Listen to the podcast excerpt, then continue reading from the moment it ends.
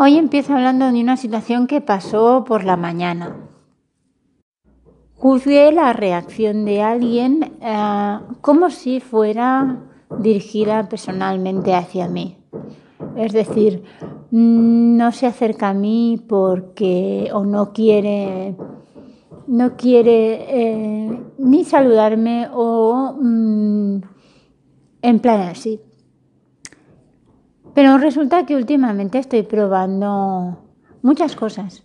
Y ayer oí una idea que quiero llevar en práctica, que es el hecho de cuando ha pasado una historia, cualquiera, mm, cualquier historia que nos pone nerviosos o que nos ha fastidiado un poco en aquel momento y seguimos cuando ha pasado el tiempo, han pasado las horas y seguimos de tanto en tanto va apareciendo en nuestra mente y dando vueltas.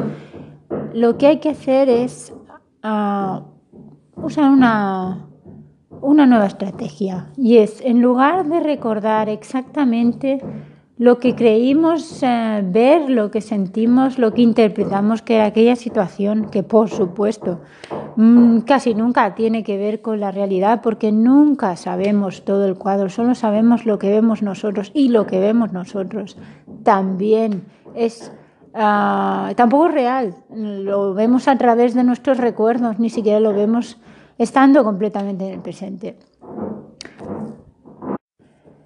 Pues cuando nos encontramos en que esa situación viene a nuestra cabeza una y otra vez o simplemente tanto en tanto durante el día y no es que nos haga sentir bien, sino más bien nos hace sentir o culpables por lo que no hicimos o culpables por cómo somos o nerviosos por mm, próximas ocasiones en que se dé este caso o tal vez nos hace sentir eh, mal simplemente por cualquier razón. Mm, lo mejor es eh, parar, volver a esa situación mentalmente y reaccionar de otra manera, porque siempre podemos reaccionar de otra manera, siempre. Nunca eh, solo teníamos una opción. Y con reaccionar no quiero decir una acción hacia afuera, una contestación o, hablar o irnos o movernos. No, no, no, no. Estoy refiriéndome más, más bien a una actitud, es decir, a cómo nos tomamos nosotros internamente esa situación. En el momento en que ocurre nos la tomamos mal. Es evidente. Eso es lo que nos ha llevado a usar este, esta herramienta. Pero una vez ha ocurrido, tenemos muchas maneras de verlo. Y sentarnos, a tomarnos una pausa, eh, volver a visualizar esa situación y alejarnos de ella o tomarla con relativa distancia hace que no se vea tan personalmente, porque a lo mejor aquella persona que nos pareció que nos hacía un feo, pues en realidad pues ese día no tenía ganas, simplemente no se sentía bien, no quería estar allí, ni con nosotros ni con el mundo. O, o a lo mejor no es tan importante. O... Quiero decir, no es tan importante porque uh, realmente uh, a veces le damos poder a personas que no son tan importantes. Eh, ¿Y qué importa si en la persona con la que me encuentro en, en una parada de transporte público um, que conozco, que es mi vecino o mi compañero de, de una excursión que hicimos, o, pero que es, una relación más bien... Uh, uh, no es, no es una relación personal, íntima, con la que pasé miles de horas, no ni siquiera es una relación con alguien que me aprecie especialmente o que forme parte de, la gente que, que, le, que, le, da calor a mi corazón cada día o, o, con la que estoy unida con algún tipo de lazo mm, familiar o, o, una relación más fuerte.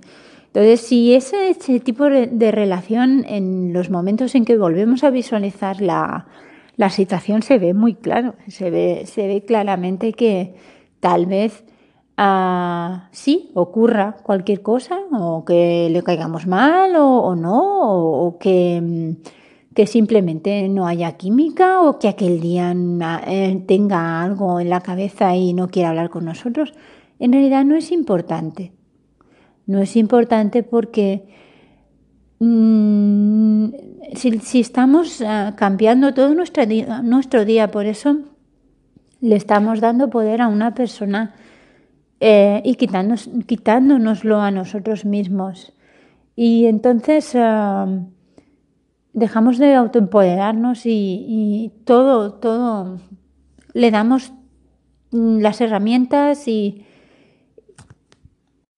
y el significado de nuestro día a una persona que no, no tiene que ver con nosotros, solo coincide con nosotros eh, cinco minutos al día, diez minutos al día, media hora al día y ni, ni tan solo forma parte de, de nada que, que, nos importe realmente. Esto es algo que suele pasar, al menos a mí me suele pasar.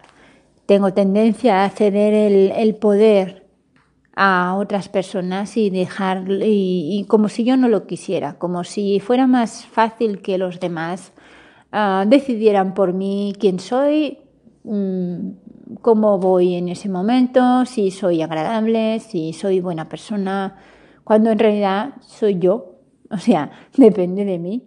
Eh, yo tengo que decir quién soy y lo que ellos digan en realidad no tiene que ver conmigo, tiene que ver con su manera de verme a mí, que tiene que ver con su manera de estar en ese día, en el mundo y en ese momento, y que por supuesto no puedo tomar como una norma para mí.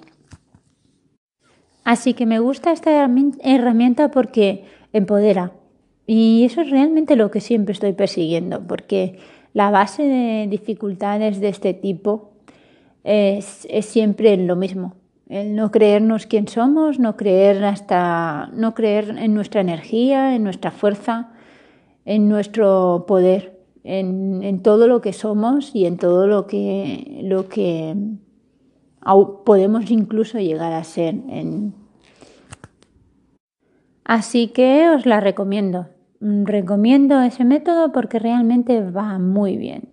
En el momento en que te vuelves a poner la situación y la vives de nuevo, y te das cuenta de que tienes otra, otra opción, otra manera de tomártelo, todo pierde fuerza.